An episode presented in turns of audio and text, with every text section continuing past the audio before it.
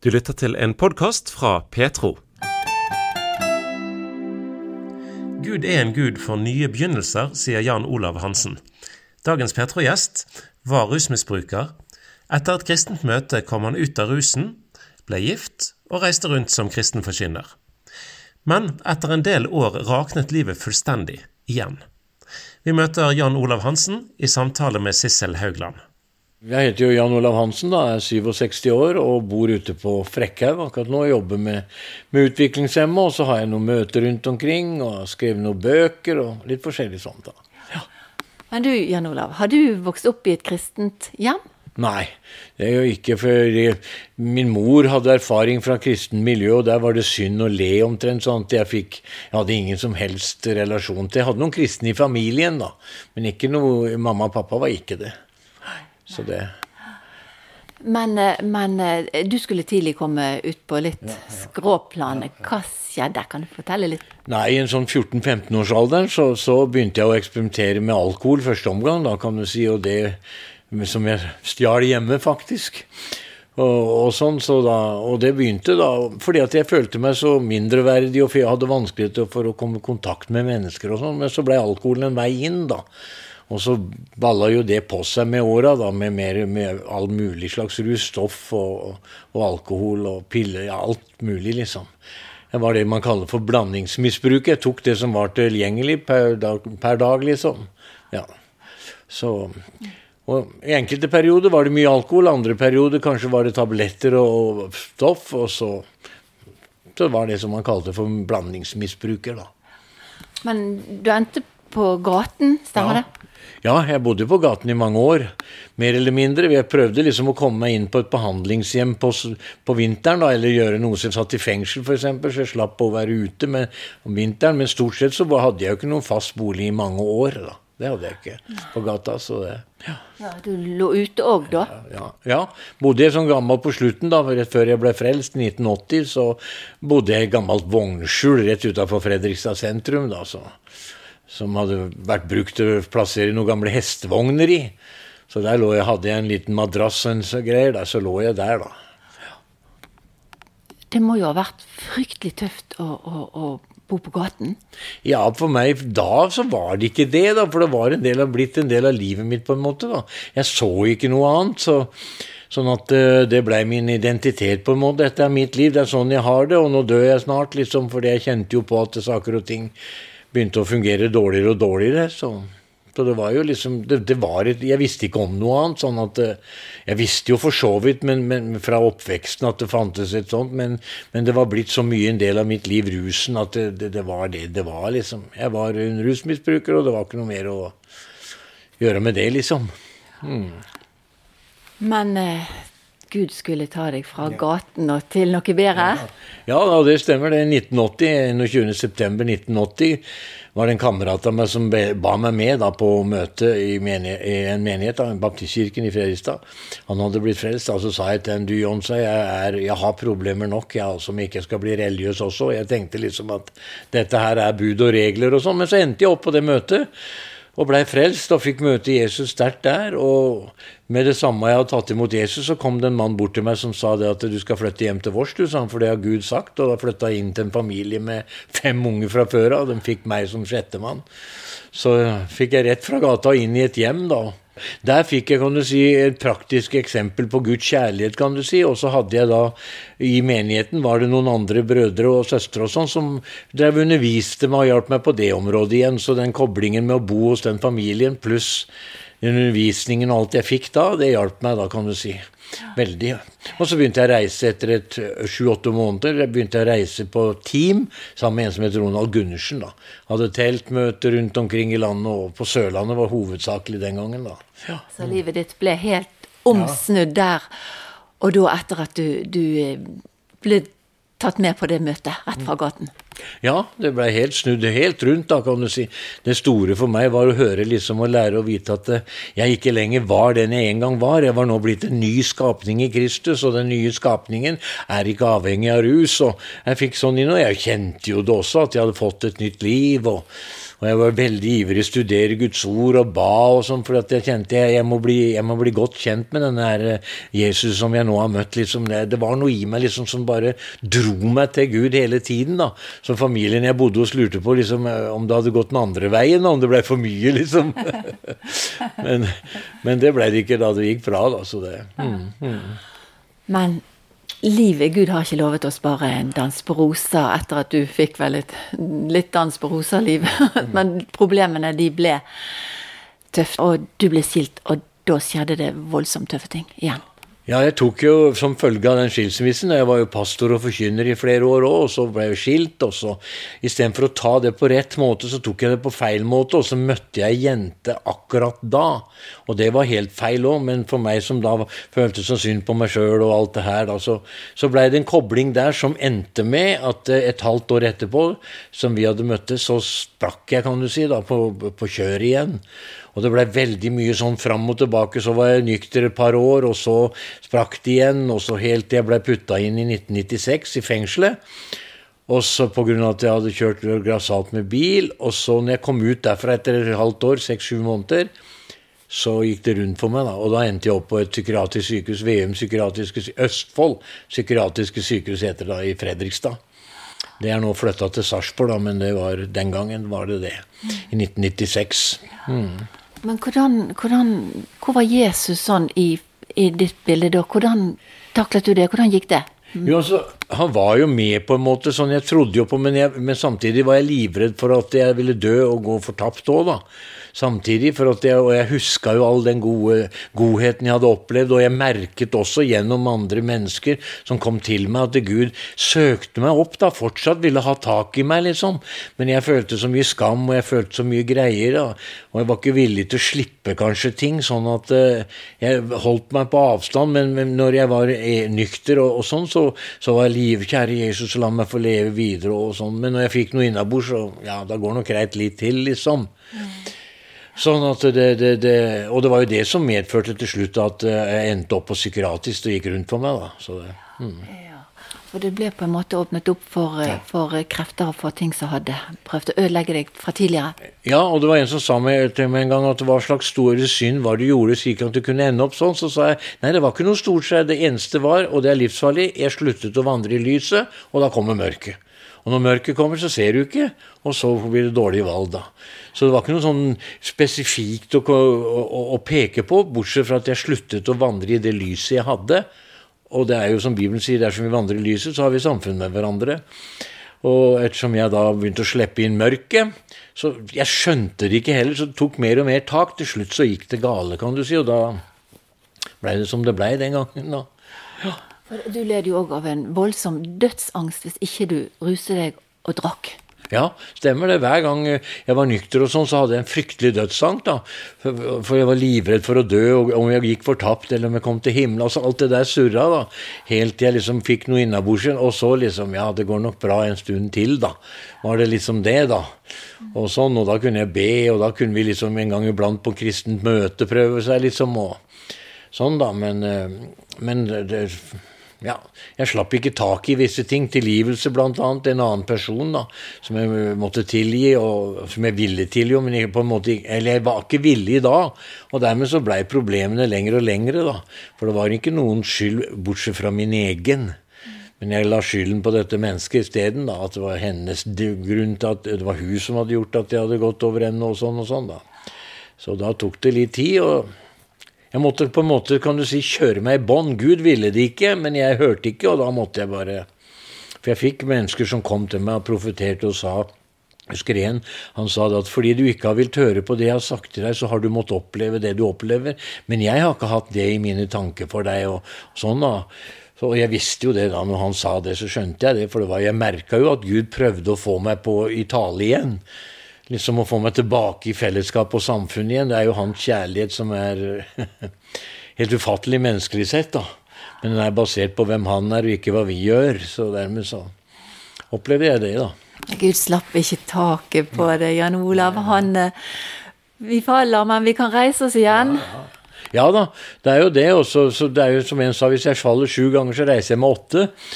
Det for det fins alltid Gud er gjenopprettelsens Gud. Han har liksom gjenopprettelse i tankene. Han, ikke, han, han, har ikke evnen til å gi opp noen, han. Så, er, så, dermed så fortsetter han, da, kan du si. Så lenge det er liv, så er det håp. Ennå er det håp, som evangeliet sier også. Og så lenge man lever, så er det faktisk muligheter. Men det er klart man kan stenge Gud ute på en måte som gjør at man forherder seg, da og, og, sånn. Men heldigvis kom ikke jeg så langt, men det var ikke så langt unna, tror jeg. Mm. Men uh, Gud rørte ved deg. Det skjedde ting etter hvert? Ja, og så ble jeg innlagt på psykiatrisk, og der var jeg for en lang historie kort, innlagt i ett år. Først på Østfold psykiatrisk, og så videre til noe som heter Kolstad psykiatriske bo- og behandlingssenter. Og det betyr egentlig 'her er du til du dør'. Det var liksom ikke noe mer. Men så, som sagt, for ikke å dra det for langt, så, så, så, så, Den pastoren jeg hadde i en menighet jeg gikk den gangen, Magne Aker het han, i Moss, da, han var stadig og besøkte meg, og så begynte overlegen min og fikk egentlig eh, Gud på en måte brukte overlegen min til å bli tent på å få meg på et kristent rehabiliteringssenter, da. Selv om det var veldig betenkelig, for jeg var så sjuk, da. Det sa de jo til Trond, og når Trond sa ja, vi kan ta han, ja, er du sikker på at du virkelig kan, for han er alvorlig syk, da, sånn psykisk. Så, men Trond sa ja da, vi gjør det også. Så kom jeg da til Bergen kontaktsenter etter et år i psykiatriske systemet. da. Trond Taule var styrer der, og han tok imot meg, og da begynte en kamp uten like, kan du si. da. En av grunnene var jo at ett års tabletter Masse medisiner fikk jeg for at det skulle liksom holde men det er mot angsten og mot alt sammen. da. Sånn at når de da skulle ut av kroppen, og pluss da at djevelen slåss da mot at han visste at nå er han på vei ut av dette her, liksom, så, så, så var det jo veldig, veldig tøft da, i tre uker. Men eh, plutselig en dag etter tre uker så satt jeg bare i sofaen. Men før det, på psykiatrisk, eh, på den Kolstad, så talte Gud til meg. Plutselig, der hadde jeg fått enerom, og plutselig så kom han til meg og sa han, be en time i tunger hver kveld. Og, da, og, det var noe av det letteste jeg har gjort. Det var akkurat som ingenting. altså Fra ni til ti lå jeg i senga hver kveld og ba stille. Fordi at uh, for Guds salvelse og kraft var med det ordet, så det var så lett. da. Og når jeg kom til Bergen kontaktsenter, og etter tre uker der, da, en søndagskveld, så satt det en en som var der ute da. Han er pastor og, og sosionom i dag da på Østlandet, og er gift. Og han satt i sofaen tvers over for meg, og så plutselig så var det akkurat som det gikk av ei bombe på innsiden av meg. Og så Jeg kunne ikke forklare på noe, så jeg bare, hendene mine for rett i lufta, og så ropte jeg ut 'Der forsvant det!' Og så kjente jeg wow! Det var liksom akkurat som å komme Ja, det var som å komme hjem igjen. Og så liksom Å, der var vi igjen, altså. Tilbake til liksom Og han Roald, som han het, han som satt over meg der, han sa hele ansiktsuttrykket ditt forandra seg, under lav, sa han. Og Trond sa det var ikke bare ansiktsuttrykket, sa Trond. Det var atmosfæren på hele senteret, sa han. For det ble en For jeg var så sjuk, da, og var så tydelig helt bortreist, på en måte.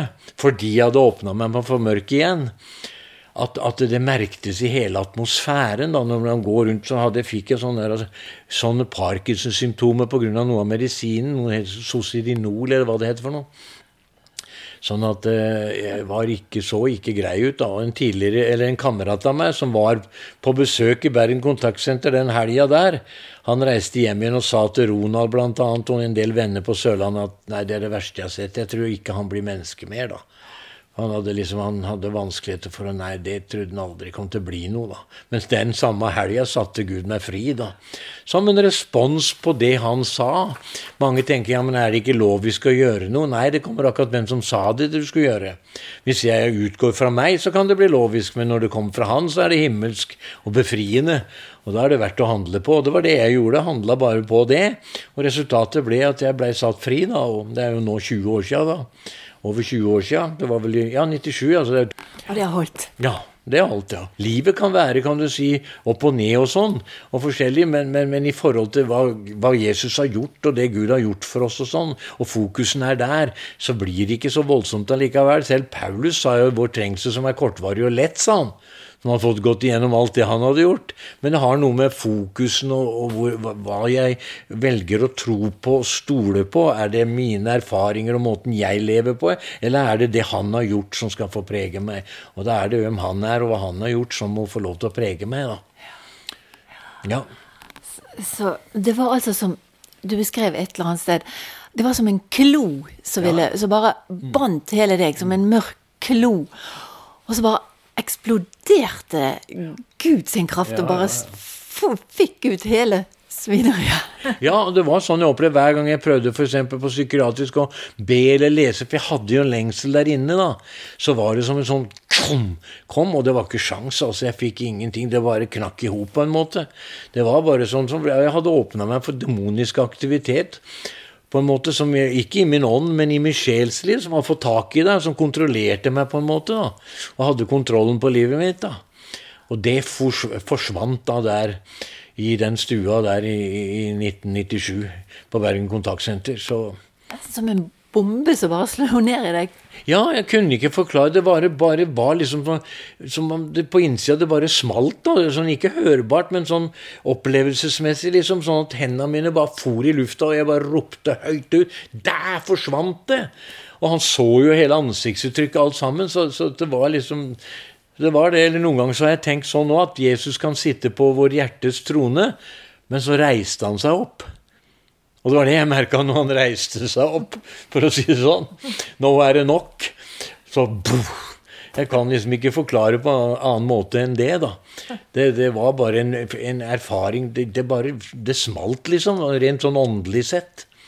Så, at, så hendene mine bare for rett opp, helt automatisk. Jeg ropte ut, da. Og, for, og han så det jo også, og de så det jo med en gang, da. Så. Så Jesus lever. Han er Ja. virkelighet. Han er ikke bare en historisk Nei, Nei han, er ikke, han, er han lever i dag, og det var jo det som skjedde med meg, at uh, han ville hele tiden tilbake til meg, da. Og, og ha meg til seg igjen, men så ga han meg et ord, og så gjorde jeg det, og da var veien åpen igjen vet du, for han å begynne å virke igjen. Og så var jeg i den settingen jeg var, psykiatrisk avdeling, ikke sant, og det hadde enerom der, og det, det var ikke noe rus, det var ikke noe sånn lenger, ikke sant, så jeg var liksom på en måte i Og da starta Da fikk en tak, på en måte igjen i sin kjærlighet, så fikk jeg endelig tak i meg på den måten at jeg responderte litt. Og så kom jeg dit, da. I en atmosfære av bønn og Guds ord og, og sånn. ikke sant? Og det var også med, så klart. Og alle, alle folk som ba for meg. Pastoren i menigheten jeg gikk den gangen, de der ute på Bergen kontaktsenter. Altså mennesker som ba, da. Også.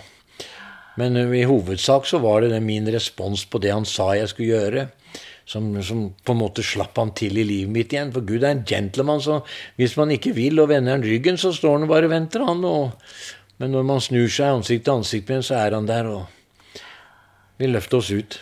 Du har jo skrevet en bok òg om vitnesbyrdet ditt. Du har skrevet tre bøker. Ja, fire. Det kom ut nå i sommer, da, den siste. Så den første heter 'Du er verdifull og elsket', den som er høyt elsket. Og så er det 'Bli kjent med Gud, din rette far'. Og så er det en som heter Nytt li, nei, ny, eh, ny fødsel, ny identitet. Og den siste som kom ut nå i, i, her i sommer, den heter 'Korset menneskehetens vendepunkt'. Så eh, han reiste deg skikkelig opp, og det er gått over 20 år siden. Du har fått jobb, du har kone, du har alt du trenger. Ja, jeg er overraska sjøl mange ganger når jeg sitter i stua der ute jeg bor nå og, og tenker over livet mitt, hvordan det kunne være. Og når jeg kjører, er på jobb og er ute og kjører med de psykisk utviklingshemma, de skal vi jobbe litt utenfor Frekkhaug, ute i skogen der, og sånn, så tenker jeg liksom Hvem hadde tenkt det her? At jeg skulle sitte her liksom og være frelst og ha familie, kone, jobbe med mennesker som er herlige å jobbe med, og alt det der. Det, og når jeg legger meg på kvelden enkelte ganger og hører regner og blåser ute, så tenker jeg tenk, her ligger jeg i en herlig seng. Jeg minnes så godt der ute i det skjulet, og jeg glemmer liksom ikke hvor jeg kommer fra, kan du si. Så da blir det Guds nåde så stor, kan du si, at eh, Ja. Så om man faller, så reiser vi oss igjen. Ja, og det er det som er mottoet. Fokus. Hvor er fokus når du faller, altså? Lager du stort nummer ut av at du falt, eller fokuserer du på han som kan reise opp hvem som helst, bare man er villig, kan du si? For det fins alltid muligheter. Gud gir aldri opp, kan du si. Og jeg hadde vært pastor og forkynner i mange år og rota det så til. Allikevel så kom han til meg, og, og hvorfor han gjorde det, det vet han bare sjøl, det kan jeg spørre ham om en gang vi kommer hjem til himmelen også. Men han satte meg fri, og det beviser noe av hans kjærlighet er ustoppelig, kan du si. da. Han elsker mennesker, og han er opptatt av gjenopprettelse uansett. Ja. Du har hørt en podkast fra Petro.